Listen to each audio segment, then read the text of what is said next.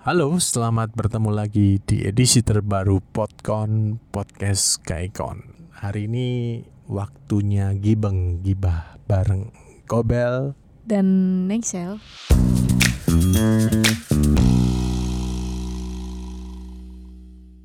Hari ini kita akan membahas salam anjay, Bro. Males, Cok. Kok malah meso. Jadi kita akan membahas mengenai polemik seputar kata anjay yang katanya sih kalau diucapkan bisa membawa konsekuensi hukum ya nih. Enggak membawa berkah. membawa berkah. Iyalah, kan dengan mengucapkan kata anjay itu banyak youtuber-youtuber yang latah terus viral terus nambah subscriber toh. Seperti itu. Tapi kenapa sih kata anjay kok dilarang? Nggak tahu ya. Karena mungkin KPAI gabut mungkin ya. Jadi ya mempermasalahkan sesuatu yang seujung kuku. Masa cuman anjay aja loh di, dipermasalahkan. Kok nggak kalimat jancuk gitu dipermasalahkan? Loh loh kan beda konteks itu itu beda konteks ini kan katanya merusak generasi penerus bangsa kalau merusak generasi bangsa itu bukan dengan kata-kata tapi dengan TikTok dengan narkoba itu merusak generasi. Tapi kok cuman kata-kata anjay anjir itu ya biasa lah receh itu mah. Tapi coba-coba Kobel tolong di dikasih pencerahan apa sih? Anjay ku saya kan termasuk golongan ini golongan senior. Kurang paham coba tolong diberi pencerahan.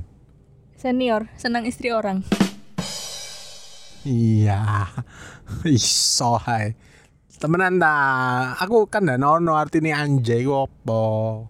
Anjay itu apa ya? An anjay itu kata asalnya itu anjing terus diplesetin sama anak-anak alay. Jadi anjay gitu loh, digenit-genitin gitu loh. Jadi jadi tuh diperhalus bahasanya yang tadinya anjing terus jadi anjay. Mosok nek sumberku ngomongnya beda loh. Nah ini jadi bisa ada dua dua pemahaman ya. Tadi kalau seperti yang dibilang sama adik Shale, Ning Shale itu berasal dari kata guguk yang diplesetkan menjadi itu. Nah tapi Kobel baca itu anja itu berasal dari bahasa Sanskerta yang artinya tak terkalahkan. Ya bahkan kalau misalnya kita cari di Wikipedia itu di sana juga tercantum bahwa nama Anjay bisa juga dipakai sebagai nama anak. Dan pada kenyataannya banyak yang namanya itu ada anjaynya. Jadi kayak anjay mawan. Nah ya sempat Kobel baca itu ada yang sempat bertanya loh ini gimana ini? Namaku ada mengandung anjay. Biasa dipanggil teman-teman anjay juga. Nanti kalau kalau misalnya aturan itu jadi diberlakukan lah sing nyeluk dhewe lah kecekel polisi lah malah. Ya bukan salahnya dia juga, seharusnya salah yang memberlakukan aturan itu. Ya salah yang memberlakukan aturan. Nah ini jadi kita bahas sedikit ya mengenai kronologisnya ya.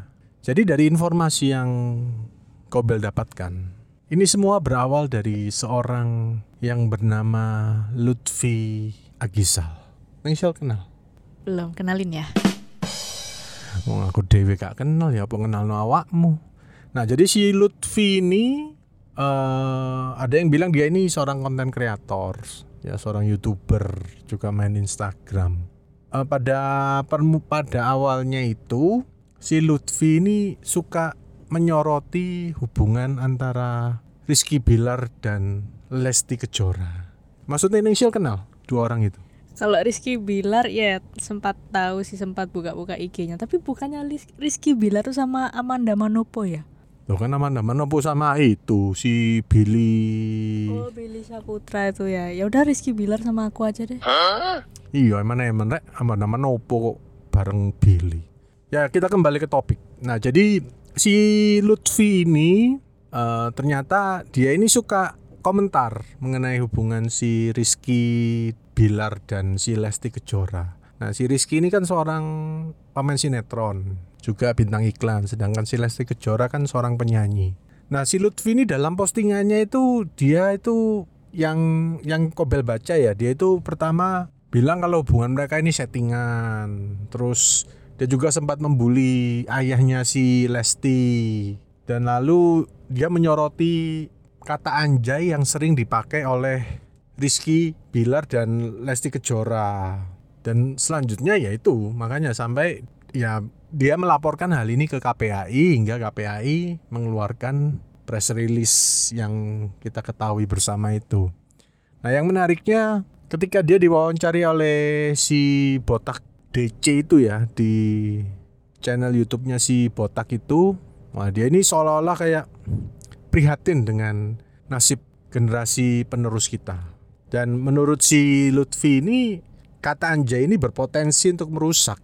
Dan ternyata uh, cerita ini berlanjut seorang komedian eh, seorang stand up komedian Ernest Prakasa itu akhirnya juga kepo gitu loh. Dia kepo dia maksudnya menyelidiki kasus ini secara mendalam dan dia sempat memposting di twitternya itu bahwa ya bagi biarpun tidak dikatakan secara langsung ya ternyata bahwa motif dibalik hal ini adalah kelihatannya pansos jadi ini sengaja dilakukan oleh si Lutfi agar dia mendapatkan uh, perhatian dari netizen heboh viral di media sosial sehingga dia itu bisa sampai mencapai reach 77 juta akun.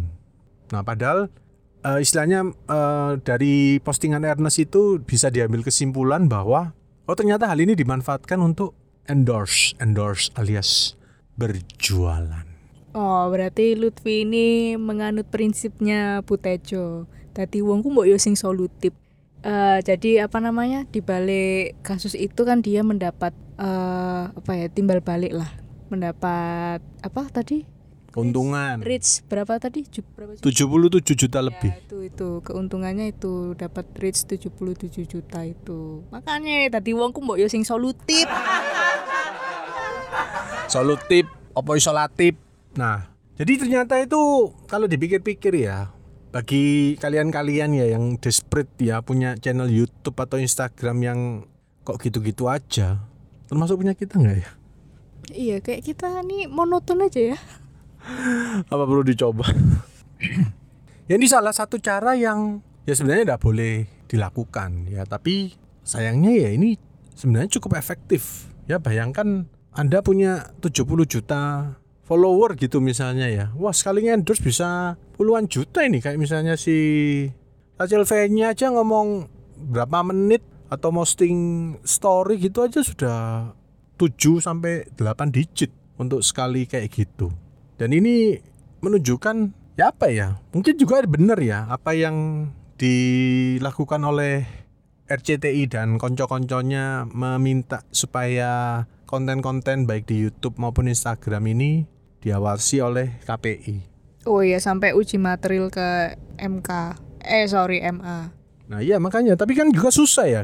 Sekarang kalau boleh dibilang dari konten-konten kreator ya ya kayak si anggapannya si Fedian Palengka itu ya memang ya tidak pantas kalau misalnya disebut konten kreator. Pantasnya disebut chaos kreator mungkin ya. prank kreator. Prank kreator. Udah gitu pranknya nggak lucu lagi. Ya jadi bagi orang-orang yang tidak punya kemampuan ya tidak punya kompetensi untuk mengembangkan sebuah channel atau membuat sebuah konten yang bermutu ya akhirnya mereka memilih hal-hal yang seperti ini ini kan menyedihkan sekali gitu loh dan yang lebih mirisnya lagi hal ini didukung oleh KPAI yang mana KPAI sendiri itu ya Nek menurut Kobel ini adalah lembaga kaleng-kaleng karena gunane mending dibubarno. Yo, KPA iki bocah kok anjane. Jadi apa ya? Komisi Prank Anjay Indonesia kan. Komisi Prank Anjay Indonesia. Maksudnya masih segar diingatan itu kapannya salah satu komisionernya membuat heboh dengan pernyataan sperma super ya yang bisa bikin perempuan hamil di kolam renang. Sekarang mendukung pelarangan pemakaian kata-kata anjay. Ini padahal ya ini terlalu konyol lah. Ini hal ini terlalu kecil untuk diurus oleh lembaga sebesar itu. Ya KPAI harusnya kan sesuai dengan namanya itu melindungi perempuan dan anak di Indonesia. Ya oke lah kita ngomong misalnya dalam masa pandemi seperti sekarang. Ya mbok mikiro sing anak-anak yang sekarang harus misalnya bersekolah, bertatap muka atau mereka yang tidak punya gadget itu gimana sol solutifnya? Memang kayak bener ning shell. Jadi wong iku sing Solutif. Iya toh, bahwa itu dipikirkan, dibicarakan dengan Kemendikbud. Oh, bagaimana caranya ini? Kan ini kan yang terjadi pada saat sekarang ini ini yang lebih penting eh, dan berhubungan dengan masa depan generasi penerus kita, penerus bangsa gitu loh daripada kata-kata anjay yang dulu Kobel sendiri tahu itu dari komik Tahi Lalat ya. Dan bagi ya terus terang sejak Kobel tahu sampai sekarang ya nggak pernah sih Kobel ngomong atau eh, Kobel pakai dalam chat. Kalau Ningsil sering ya. Enggak, aku malah kata anjay itu malah cenderung jijik kayak. Mending cok sekalian gitu. Ya itu kan lebih Surabaya. Tapi yang berakhiran Y itu mungkin ini ya. Sai Oh iya. apa? Bi apa bi? Nggak tahu anak-anak ale itu bi bi babi. Oh ya anak-anak alay. Ya maksudnya juga sekalian kalau memang mau melarang gitu ya mbok sekalian kata-kata yang kayak bang itu terus lon nah kan? Itu kok nggak semuanya dilarang aja kok cuma khusus kata satu kata. Ini rasanya baru pertama kali dalam sejarah ini. Ada satu kata yang sampai harus di press release dilarang. Maksudnya eh, terancam kalau diucapkan. Ya kayak iki ae biyen kau ngomong komunik. Apa? Ya kan dulu kalau ngomong komunis kan iki kok dipikir iki. Aduh, iku Loh, lah iya maksudnya ngomong komunis, ngomong makar aja nggak sampai di no. Iki kata-kata anjing ini digawe pekoro. Ya udah besok biar lebih viral lagi gimana kalau KPAI KPAI ku mengeluarkan kebijakan yang melarang ucapan mbok nean. Nah, Mbokne iki kok gak bisa, itu tidak se-Indonesia. Loh ya makanya kan ini biar biar lebih viral lagi toh. Biar tujuannya biar menjatuhkan KPAI gitu loh. Atau kita ini ya, kita ajukan petisi ya. Ya, sekalian kata-kata berikut ini dilarang gitu. Termasuk Sinjai, Bebek Sinjai. Terus ini aktor Anjay Dut, Siomai, apalagi? Hmm, jangan Sinjai deh, jangan. Sinjai itu enak loh. Ngopo enak ungkapane ono videone ono iku ngono. Oh iya, ada Ada sensornya. barang halus. Iya. Nanti kita salah ngomong nanti dituntut ya apa repot iki. Ya jadi ya nggak tahu sih ya bagaimana menurut kayak Corners. Apakah tepat apa yang dilakukan oleh KPAI itu ataukah mungkin langkah yang blunder? Seharusnya kalau mau lebih tajam lagi ya KPAI ini daripada gabut, daripada nggak ada kerjaan di kantor, mending KPAI ini menyoroti kasus pernikahan anak usia dini. Kan arek-arek saiki sekolah nganggur toh. Jadi nek pengen solutif, arek-arekku kawin, kawin, kawin, kawin, kawin, MBA, MBA. Nah, itu baru disorot sama KPAI. Nek nek pengen kerja lo yo, iku iku pansosnya apik nang Jokowi. Iku pasti. Loh, emangnya banyak yang menikah usia dini? Wah, di Madura lu akeh. Apa mana males sekolah, males kuliah, wis kawin ae wis. Ya, makanya kalau aja ada oknum KPAI yang mendengar mau berdebat dengan kita boleh mengenai permasalahan ini. Maksudnya ning sel iku koyo gak ono kerjaan liya ta. Kon iku dibayar piro? Dibayar jutaan. Ngurusi koyo ngenean. Yo bikin pernyataan sih gak penting. Ya sih maksudnya urus ono iku area-area sing sih tidak bisa mendapatkan pendidikan yang layak, tidak bisa mendapatkan kehidupan yang layak sih. Maksudnya tinggalin nang kolong jembatan, pokoknya ngono-ngono diurus. Atau perempuan-perempuan yang di apa mengalami KDRT dan lain sebagainya itu itulah coba dibuat viral gitu loh ya terus ngomong-ngomong mengenai masa depan generasi bangsa ini juga kan salah satu yang mengancam yang pesta gay di apartemen Jakarta itu kan juga berbahaya loh itu Oh iya, pesta G di SCBD apartemen, ya. Iya, itu lah merusak generasi bangsa ini ya ampun. Makanya lah negeri ini nih boleh dibilang serba salah ya. Ya, yang harusnya ngurusi misalnya KPAI harusnya ngurusi perlindungan perempuan dan anak malah ngurusi kata anjay. Ya tidak mem Bukan perempuan dan anak, KPAI kan memang khusus anak gitu loh perhatiannya. Kalau perempuan dan anak beda lembaga lagi. oh beda ya. Oke, emang salah aku kak. Kak mau omongi. Iya, baru ingat maaf ya. Ya anak, nah anak sekarang, aduh, si, si banyak lah anak-anak Indonesia ini yang perlu diperhatikan ya. Tapi kalau memang benar mau kerja ya, sekali lagi kau ingatkan, ya mbok diurus yang masalah sekolah ini aja. Ini mengancam generasi apa corona ini bisa tidak mendapatkan pendidikan yang yang layak. Maksudnya ilmu yang mereka harus terima itu dikebiri, dikebiri oleh corona dan pendidikan daring ini ya dikebiri terus di apa kayak pemerintah tuh kayak melakukan pembiaran terhadap anak-anak gitu apa sudah gak di sekolah no daring yo gurune turu-turuan. Kadang uh, ada yang sistem daring tapi gurunya malah tiktokan. Adikku aja daring. Selama kemarin libur dari pondok gurunya malah tiktokan. Ngono itu ya apa? Nah iya. Makanya di kayak misalnya lah kalau memang benar-benar itu lah mbok dilihat toh benar-benar maksudnya kayak yang TikTok kan itu banyak konten-konten yang tidak pantas loh untuk dilihat oleh anak kecil ya. Demikian juga di uh, konten-konten kreator di YouTube itu banyak yang juga menurut Kobel sih membuat konten yang tidak bermutu. Kayak misalnya konten main game, mabar itu nen apa kegunaannya gitu loh. Ya malah nanti mereka yang gamernya itu ngomong yang kata-kata jorok ya gitu ya dibiarkan Ya kalau memang KPAI mau serius, sebenarnya banyak yang yang bisa diurus daripada sekedar ngurusi kata-kata anjay dan sperma super ini ya.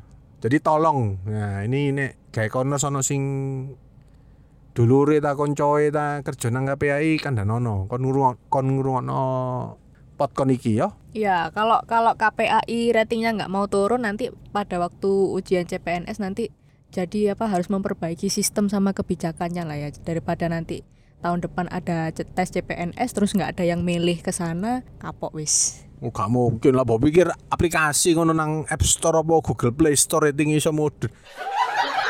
Wong iku mikirin ini loh, nek tambah gak ono sing gelem merono lah kesempatanku merono tambah gede, wong ini lah lumayan sih. Ya karena ya memang kalau orang pelamar-pelamar CPNS kan lebih memilih kementerian daripada sing komisi-komisi gak jelas ngono iku lho. Yes, tapi bagi mereka yang kaum rebahan iku wis pokoke jadi CPNS ngono wis banu nang KPI wis gak apa-apa. Sing penting magabut ya toh. Ya mbok sekarang ya juga juga nggak jelas gak ada laporan pertanggungjawaban tapi dibiayai kan dibiayai oleh negara itu. Iya, duitnya negara. Duitnya kan turun dari itu Menteri Perempuan dan Anak siapa? Igusti Bintang Dewi siapa? Dewi Persik? No no, Igusti Bintang Dewi Puspa Yoga atau siapa itu? Ya, pokoknya itulah. Ya ini sudah bukan zamannya menghafalkan nama-nama menteri kabinet kerja. Ya jadi gitu. Nah nanti coba kayak corners. Coba kasih komen. Apakah anda akan tetap menggunakan kata-kata anjay? Kalau kopel sih ya serang ngurus lah. Kak gawe ya kak popo. Ya tau ya selama ini ya gak pernah diucap no kalau mau lebih heboh lagi ya itu ketua KPAI kalau bisa tahun depan itu dinonaktifkan saja terus kemudian di si, si KPAI ini kan komisioner. Komisioner apa ketua? Ada ketuanya gitu loh. Eh nggak ada ya komisioner ya? Oh ya ya udah komisionernya diganti Butejo aja. Ben solutif. Ya juga jangan ditiru ya langkahnya si Lutfi ini ya yang pansos dengan membawa subjek yang sebenarnya sangat-sangat tidak penting ya. Nanti kalau maksudnya sudah banyak contoh gitu loh orang-orang di Indonesia yang mencoba membawa sebuah subjek yang yang menurut mereka tidak penting gitu ya untuk bisa pansos eh, sejauh yang Kobel tahu tidak ada yang berakhir dengan baik ya si Jering mlebu penjara si Ferdian yang mlebu penjara ya kecuali apa? Penjara itu apa? Ya masuk penjara, masuk bui maksudnya. Iki lah Surabaya sih. Ya masuk bui, masuk bui, puas, puas, puas. Nah, kecuali kayak KKI ya, KKI lolos ya.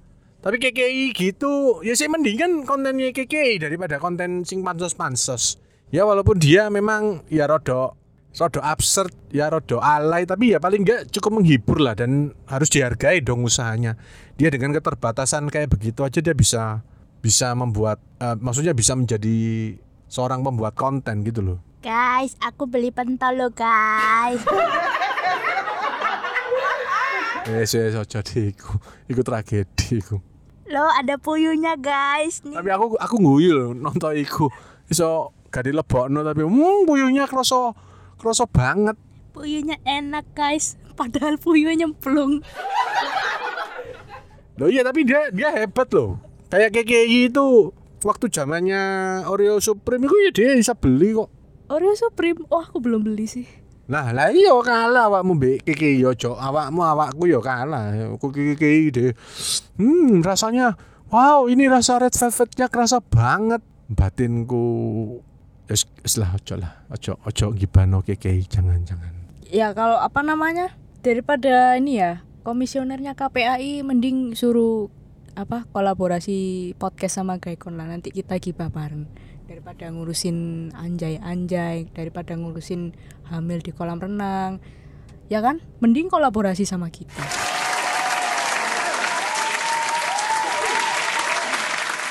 Yo ojo kolaborasi, debat aja gak apa-apa. Siap aku.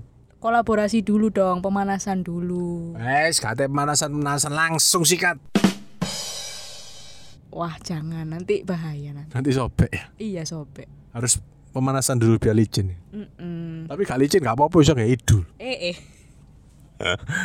Ah, oke. Sekian edisi Gibeng, Giba bareng Podcon podcast Gaikon kali ini. Sebelum berpisah, jangan lupa untuk ikuti media sosial kita di YouTube, Facebook, dan Instagram dengan nama si si si ini kalau misalnya Wancet aja awakmu nek sampai closing mesti apa maneh? Enggak.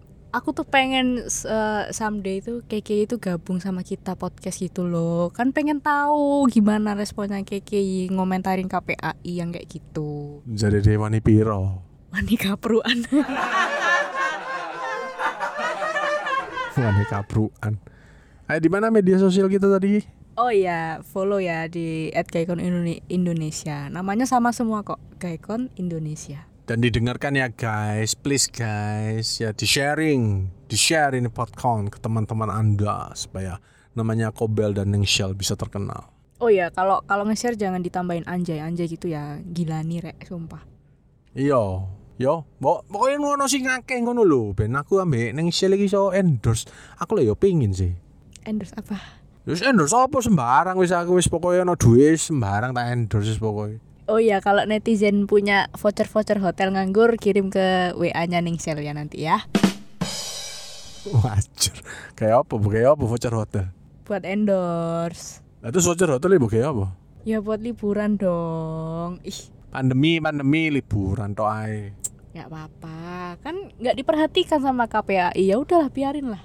Cek melas sih nasibmu. Oke sekian dulu. Eh sampai jumpa lagi di edisi berikutnya. Dadah. Dadah, Cuk.